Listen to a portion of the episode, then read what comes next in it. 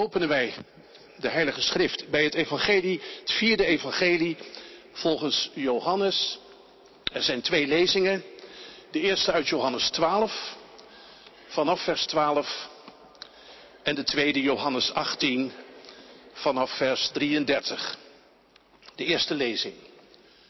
De volgende dag was er al een grote menigte in Jeruzalem voor het feest. Toen ze hoorden dat Jezus ook zou komen, haalden ze palmtakken en liepen ze de stad uit hem tegemoet. Terwijl ze riepen, Hosanna, gezegend hij die komt in de naam van de Heer, de koning van Israël. Jezus zag een ezel staan en ging erop zitten. Zoals geschreven staat, vrees niet Sion, je koning is in aantocht en hij zit op een ezelsveulen. Zijn leerlingen begrepen dit aanvankelijk niet, maar later, toen Jezus tot majesteit verheven was, herinnerden ze zich dat dit over hem geschreven stond en dat het ook zo gebeurd was. De mensen die erbij waren geweest toen hij Lazarus uit het graf riep en uit de dood opwekte, waren van die gebeurtenis blijvend getuigen. Daarom ging de menigte hem ook tegemoet, omdat ze gehoord hadden dat hij dit wonderteken had gedaan. En de fariseeën zeiden tegen elkaar, je ziet dat we niets bereikt hebben. Kijk maar, de hele wereld loopt achter hem aan. De tweede lezing is uit Johannes 18 vanaf vers 33. Het is het moment dat Jezus wordt overgebracht van het Sanhedrin, van Caiaphas, de priester, naar Pilatus, de vertegenwoordiger van het Romeinse Rijk. Ondertussen is Petrus al ontrouw geworden. Hij heeft zijn Heer verlogend. De Joden klagen Jezus aan. De leiders van Israël beschuldigen Jezus ervan. En waarvan ze hem beschuldigen, dat zal blijken. Nu ging Pilatus het pretorium weer in. Hij liet Jezus bij zich komen en vroeg hem, bent u de koning der Joden? Jezus antwoordde, vraagt u dit uit uzelf of hebben anderen dit over mij gezegd? Ik ben toch geen Jood, antwoordde Pilatus. Uw volk en uw hoge priesters hebben u aan mij uitgeleverd.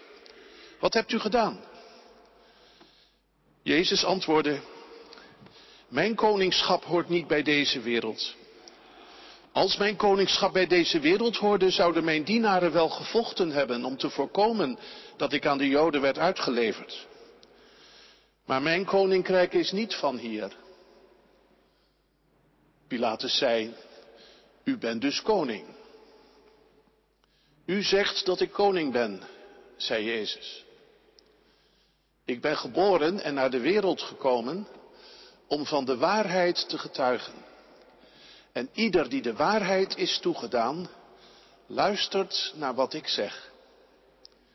Hierop zei Pilatus, maar wat is waarheid? De tekst voor de preek is uit Johannes 18, vers 36 tot 38. Jezus antwoordde, mijn koningschap hoort niet bij deze wereld. Als mijn koningschap bij deze wereld hoorde, zouden mijn dienaren wel gevochten hebben om het te voorkomen dat ik de Joden werd uitgeleverd. Maar mijn koninkrijk is niet van hier. Pilatus zei, u bent dus koning. U zegt dat ik koning ben, zei Jezus. Ik ben geboren en naar de wereld gekomen om van de waarheid te getuigen. En ieder die de waarheid is toegedaan, luistert naar wat ik zeg. Hierop zei Pilatus, maar wat is waarheid? We zingen na de prediking gezang 75, het achtste en het negende vers. Gij zijt het licht van God gegeven. En het negende, o Christus ons van God gegeven, gij tot in alle eeuwigheid de weg, de waarheid en het leven. Gezang 75, vers 8 en 9.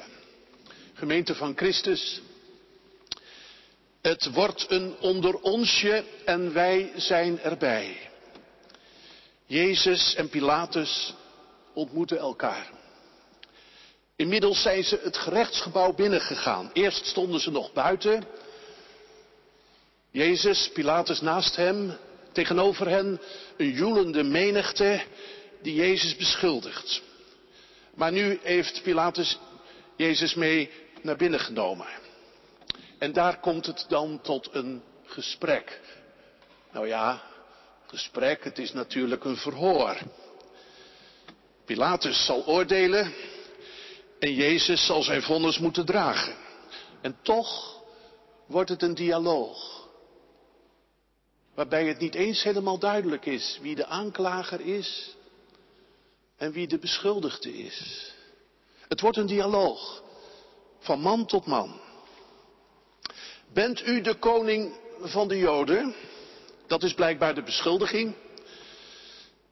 Dat Jezus zich koning noemt en dat hij daarmee oproer veroorzaakt. Op die vraag zegt Jezus niet meteen ja of nee. Hij zegt eerst, stelt u die vraag uit uzelf? Of hebben anderen dat over mij gezegd? Ja, natuurlijk hebben anderen dat tegen Pilatus gezegd. Dat heeft hij van hen gehoord. Van de leiders van Israël vooral. Maar wat Jezus wil weten is, komt deze vraag ook uit uzelf? Wilt u echt weten of ik koning ben? Maakt dat wat uit voor u? Dan wordt meteen de rollen worden omgedraaid. Het lijkt wel alsof Pilatus even ondervraagd wordt. En dat is ook wel zo. Die vraag van Jezus is tegelijk een uitgestoken hand. Maar Pilatus, echt helemaal Pilatus zou je kunnen zeggen, die ontwijkt het. Ik ben toch geen Jood, zegt hij. Uw mensen, uw eigen mensen, uw eigen leiders hebben u aangeklaagd. Ik sta daar buiten. Maar wat hebt u nou eigenlijk gedaan dat de mensen van u af willen? Gemeente, wat Jezus dan gaat zeggen, die woorden, daar moeten we het op deze Palmzondag met elkaar even over hebben. En niet alleen op Palmzondag, veel vaker eigenlijk. Deze woorden. Mijn koningschap hoort niet bij deze wereld. U mag mij gerust een koning noemen, Pilatus. Maar ik hoor niet bij uw wereld. Uw wereld waarin ze iemand koning noemen of keizer, omdat hij de macht heeft, de meeste aanhang, het sterkste leger. In die wereld ben ik geen koning. Dat kunt u toch zien. Ik sta hier, geboeid. Ik heb geen enkele steun. Ik heb geen bewakers die voor mij gevochten hebben om dit te voorkomen. Nee, ik hoor niet bij deze wereld van u. Ik heet de koning van de Joden. Maar eerlijk gezegd, mijn koningschap hoort ook niet bij hun wereld. De wereld van de hoge priesters en de fariseeën. Zij verwachten een koninkrijk en een koning eh, waarin gestreden zal worden en die hen voorgaat. Die de strijd zal voeren op, om de troon van Israël. En zij menen dat zij de voorhoede zijn. Ze lezen dat allemaal ook in hun Bijbel. Ze gebruiken daar teksten voor, maar ik ben niet de koning die zij zoeken. Het koningschap van Jezus komt niet hier vandaan. Uit deze wereld. Het komt ergens anders vandaan. Van boven komt het. Jezus, en dat kun je vooral in het vierde evangelie telkens lezen. Jezus is degene die uit de hemel is neergedaald, naar de aarde is gekomen. En zijn koninkrijk, zijn koningschap, draagt dus een hemels karakter. Hemels. Dat betekent niet een beetje zweverig op wolkjes, op roze wolkjes verkeren. Het betekent ook niet dat het alleen maar iets innerlijks zou zijn. En het is helemaal niet wereldvreemd. Nee, dat, dat betekent het allemaal niet. Dat koninkrijk van Jezus, dat is hemels, dat komt van boven, omdat het haaks staat op alle macht en koningschap in deze wereld. Omdat het haak staat op alle aardse verwachtingen en plannen. Ook religieuze verwachtingen en plannen. En dat kun je zo mooi zien bij de intocht. Het is me eigenlijk nu voor het eerst opgevallen hoe Johannes die intocht in Jeruzalem vertelt. Hij vertelt dat er mensen zijn, een schade die hem tegemoet komt. Ze hebben namelijk dat grote wonder meegemaakt, de opwekking van Lazarus. Ze zijn helemaal dol op Jezus. En als hij de stad inkomt, dan pakken ze palmtakken. En dan, schrijft Johannes, ziet Jezus een ezel staan. En gaat hij erop zitten. Die volgorde. Hè? Eerst komen dus de mensen, ze juichen. En dan ziet Jezus die ezel. Bij andere evangelie is het net andersom. Dan heeft Jezus het al helemaal gearrangeerd en voorbereid. Haal ergens daar en daar een ezel. Dat is allemaal al gebeurd. Maar hier, Johannes wil als het ware iets anders doorgeven. Hij wil zeggen, Jezus maakt duidelijk via die ezel dat zijn koninkrijk anders is. Dat het niet gebaseerd is op menselijk enthousiasme en aanhang, ook niet op menselijke verwachtingen, religieus of niet. Jezus maakt via die ezel duidelijk, zo ben ik dus koning. Mijn koninkrijk is niet van deze wereld. En daarom ga ik op die ezel zitten. Omdat het een geestelijk koninkrijk is. En dat betekent wonderlijk. Nederig. Je kunt gewoon niet begrijpen dat je zo koning kunt zijn. Het koningschap van Jezus is zo anders. Als wij bij Hem horen en Hem volgen als onze koning, zullen we dat toch steeds ervaren, denk ik. Dat het nooit helemaal klopt. En dat je het eigenlijk niet kan begrijpen. En dat je het ook als het ware tegen je eigen ongeloof in steeds weer moet bekennen. Ik snap u niet. Maar ik vertrouw het toch. Mijn koninkrijk is niet van de menselijke soort. Ik bedoel menselijk werelds. Van hier beneden. De leerlingen, schrijft Johannes, begrepen het ook niet. Later begrepen ze het. En daar was de Heilige Geest voor nodig. Want je hebt geestelijke ogen nodig om het te zien. Dus Jezus, koningschap hoort niet bij deze wereld, niet bij de Romeinse wereld. Die denkt aan legioenen en het recht van de overwinnaar. Ook niet bij de Joodse wereld, die Jezus pretenties helemaal afwijst. Maar denk je dan, hoort dat koningschap van Jezus dan misschien bij onze wereld? De christelijke. Laten we zeggen, de christelijke gemeente. Wij mogen hier toch zeggen, als misschien wankele, maar toch echte gelovige mensen, die Hem kennen, dan mogen we toch echt zeggen, ook vandaag juist, dat Hij onze koning is. Dat beleiden we toch, daar zingen we toch over. En Hij is toch degene die ons leidt door Zijn woord en door Zijn geest. Hij is toch degene die ons regeert. Hoort Jezus dan wel bij onze christelijke wereld? Ja, dat geloof ik wel. Dat geloof ik wel. Hij is het hoofd van zijn gemeente.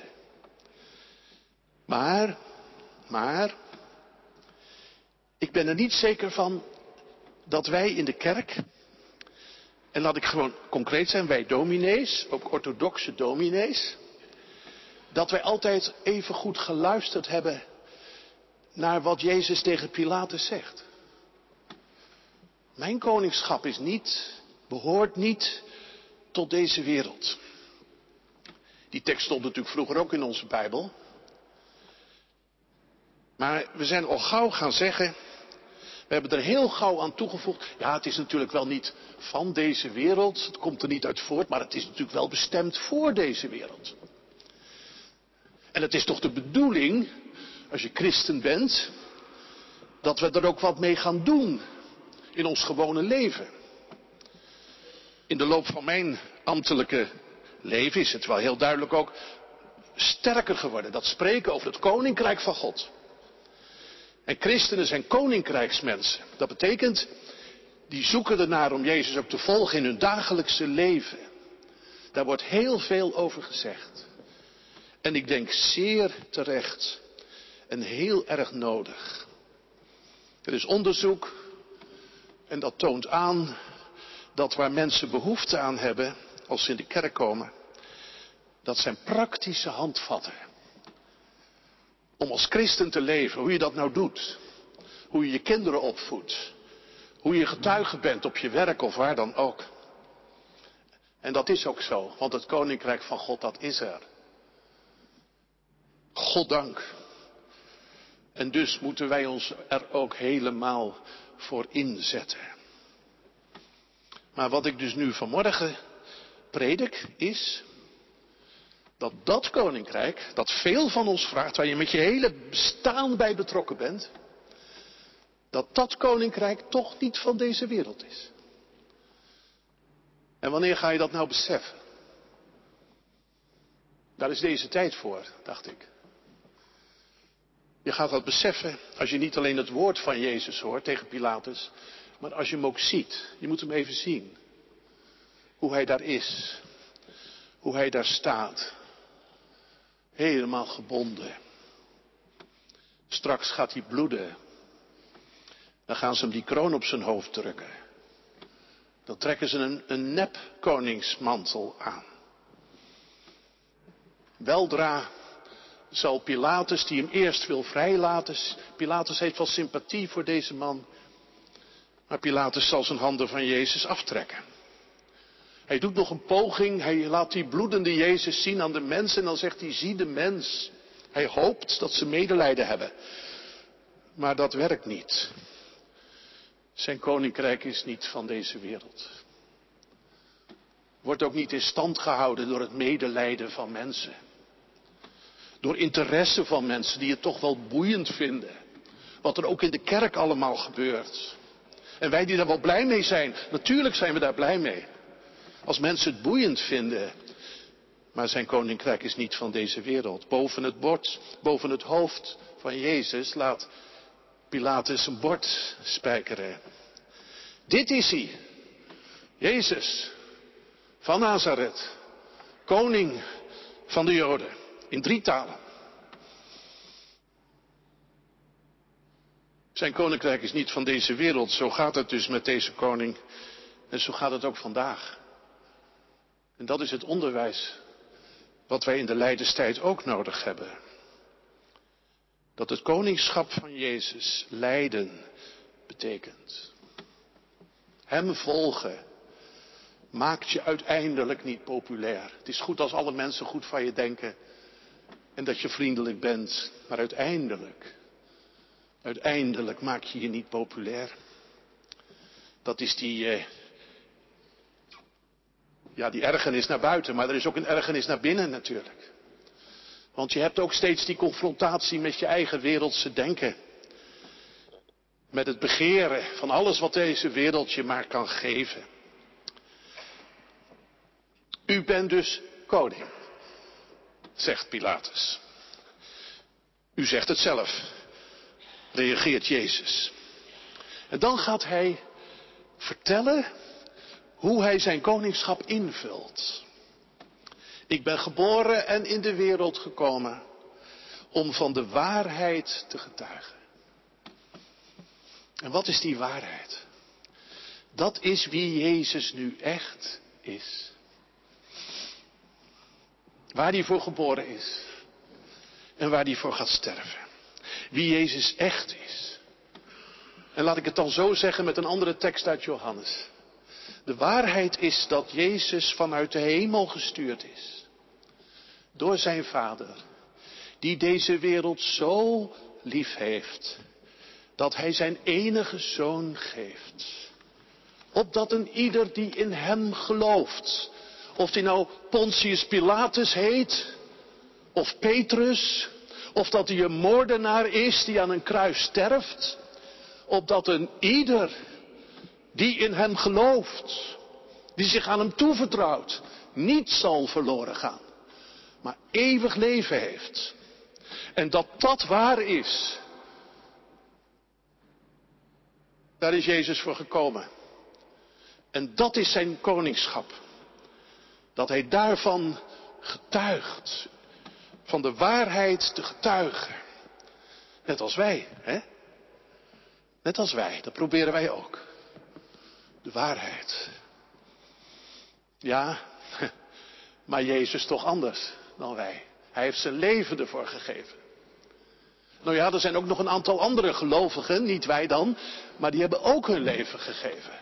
De martelaren, ja. Maar Jezus is uniek. Omdat heel zijn wezen en heel zijn leven één getuigenis is. Alles wat hij doet is waar. Alles wat hij zegt is waar. Niemand kan hem beschuldigen van zonde. Jezus belichaamt de waarheid. Hij is het. Ik ben de weg, de waarheid en het leven. De waarheid, hè?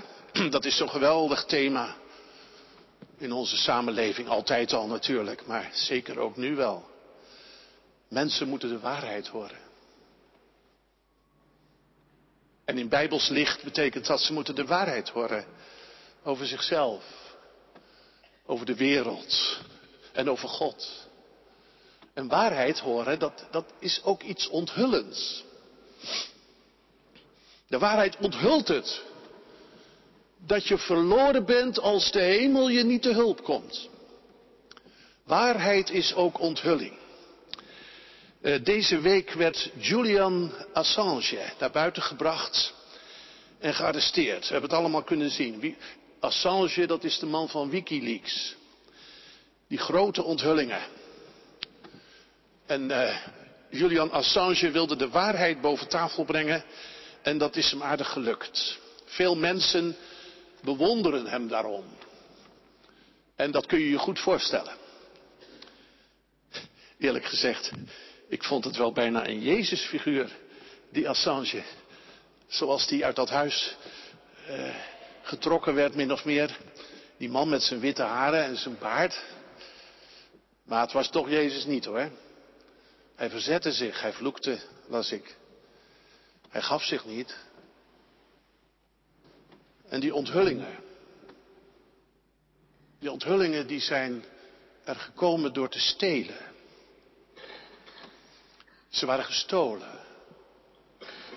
En ik las ook dat er slachtoffers van gekomen zijn. Omdat hij uiteindelijk die klokkenluiders toch niet verborgen kon houden. Dat is dat dubbelzinnige, dat is alles van deze wereld. In deze wereld komen ook heel veel goede dingen natuurlijk voor. Ik vind dat van Assange ook wel goed, ten dele. Maar het is wel gestolen. Zoals Prometheus het vuur uit de hemel stal. Dat is deze wereld. En het maakt ook slachtoffers. Komt niet uit de hemel. Jezus steelt de waarheid niet. Jezus geeft er zijn leven voor. En de waarheid die Jezus brengt is niet zoals een breekijzer, hè? Maar het is als een licht dat schijnt. Fel ook, maar ook reddend. Jezus, de waarheid die Hij getuigt, is zuiver. Omdat het hemels is. En op wat hemelse liefde zegt, kun je al je vertrouwen stellen. Of je nou helemaal zo in de stemming bent om het te geloven, of wat minder in de stemming om te geloven. Je kunt er al je vertrouwen op stellen. Het lijden van Jezus, dat is ook waarheid. Dacht u niet? Dat is ook zeer onthullend. Dat onthult je eigen betrokkenheid. Kijk even mee naar Pilatus. Die figuur, die intrigeert me. Pilatus heeft niks tegen Jezus. Hij zegt al drie of vier keer, ik vind geen schuld in hem. Hij wil hem vrijlaten. Dat is een prettige man, die Pilatus. Prettig, sympathiek, neutraal. Maar als die recht voor de waarheid staat. En als hij erover hoort. Als Jezus tegen hem zegt, Wie de waarheid is toegedaan, die luistert, die hoort mijn stem. Dan houdt het voor Pilatus op. Dan zegt hij, tja, wat is waarheid? Die neutraliteit, dat postmoderne, dat is het fijnstof dat wij allemaal inademen. Ieder zijn eigen waarheid. Niemand die het weet. Je moet vooral geen waarheid opleggen. Dan doe je ook niemand pijn. Behalve Jezus. De Zoon van God. Pilatus stuurt hem door en doet hem weg. Dat is ook het kruis van Jezus. Vandaag. Niet alleen door Pilatus. Ook door jou. Iedere keer als je die houding kiest, als vanzelf, wat is waarheid? Dan wordt Jezus opnieuw gekruisigd en zijn wij erbij betrokken. Maar soms zit je aan de andere kant. Dat kan ook. Dan pleit je voor Jezus. Dat zal je toch gebeuren. Pleiten voor Jezus, eenvoudig op je werk. En heel soms op de televisie. De presentator vraagt er notabene naar. Doet hij nooit, maar nu wel. En hij vraagt zomaar, wat kan die koning voor jou eigenlijk voor je doen? Wat kan die? En dan zeg je het eenvoudig en eerlijk. Hij zal al het kwaad overwinnen. En je ziet die presentator kijken. Zo vol van aardigheid en sympathie. En hij zegt, ik zou het wel willen. Maar is het dan waar? Dan komt alweer het volgende programmapunt. En toen ik het zag en er later nog eens over nadacht, dacht ik, en toch is er iets gebeurd. En nu ik deze preek schreef, moest ik er weer aan denken. Is dat dan een Pilatus moment? Als zoiets gebeurt, hè? Met camera of zonder camera, dat maakt eigenlijk niet zoveel uit. Dan voel je je soms wel verlegen. En wat moet je dan denken? Nou, je, kunt dit, je zou dit kunnen denken. Dat door deze houding, die je bij die ander ziet, maar ook bij jezelf niet vreemd is, dat door deze houding Jezus aan het kruis is gekomen. En dat dat heel erg is maar ook heel hoopvol is. Want hij, hij draagt dit. Hij draagt dit lijden voor de wereld. En ook voor al die wereldse mensen. En dan denk je aan je gesprekspartner. En dan denk je, het zou toch kunnen. Het zou toch kunnen dat hij nog gaat luisteren. Naar de stem van de goede herder. Dat kun je bedenken. En je kunt ook nog iets anders bedenken. Dat is dat je weer eens opnieuw beseft hoe vreemd het eigenlijk is dat jij dan wel gelooft. Of vind je dat niet vreemd? Besef je niet op zo'n moment dat het koningschap van Jezus niet van deze wereld is? Dat geloof waarmee je Hem vertrouwt, dat is niet van deze wereld. Dat komt daar niet vandaan. Je moet ook niet proberen mensen te overtuigen door dingen van deze wereld. Je moet gewoon vertellen wie Jezus is. En dat hij geleden heeft. En dat dat voor hen is. En voor jou. Dat geloof van ons, dat komt echt van boven. Gelukkig maar.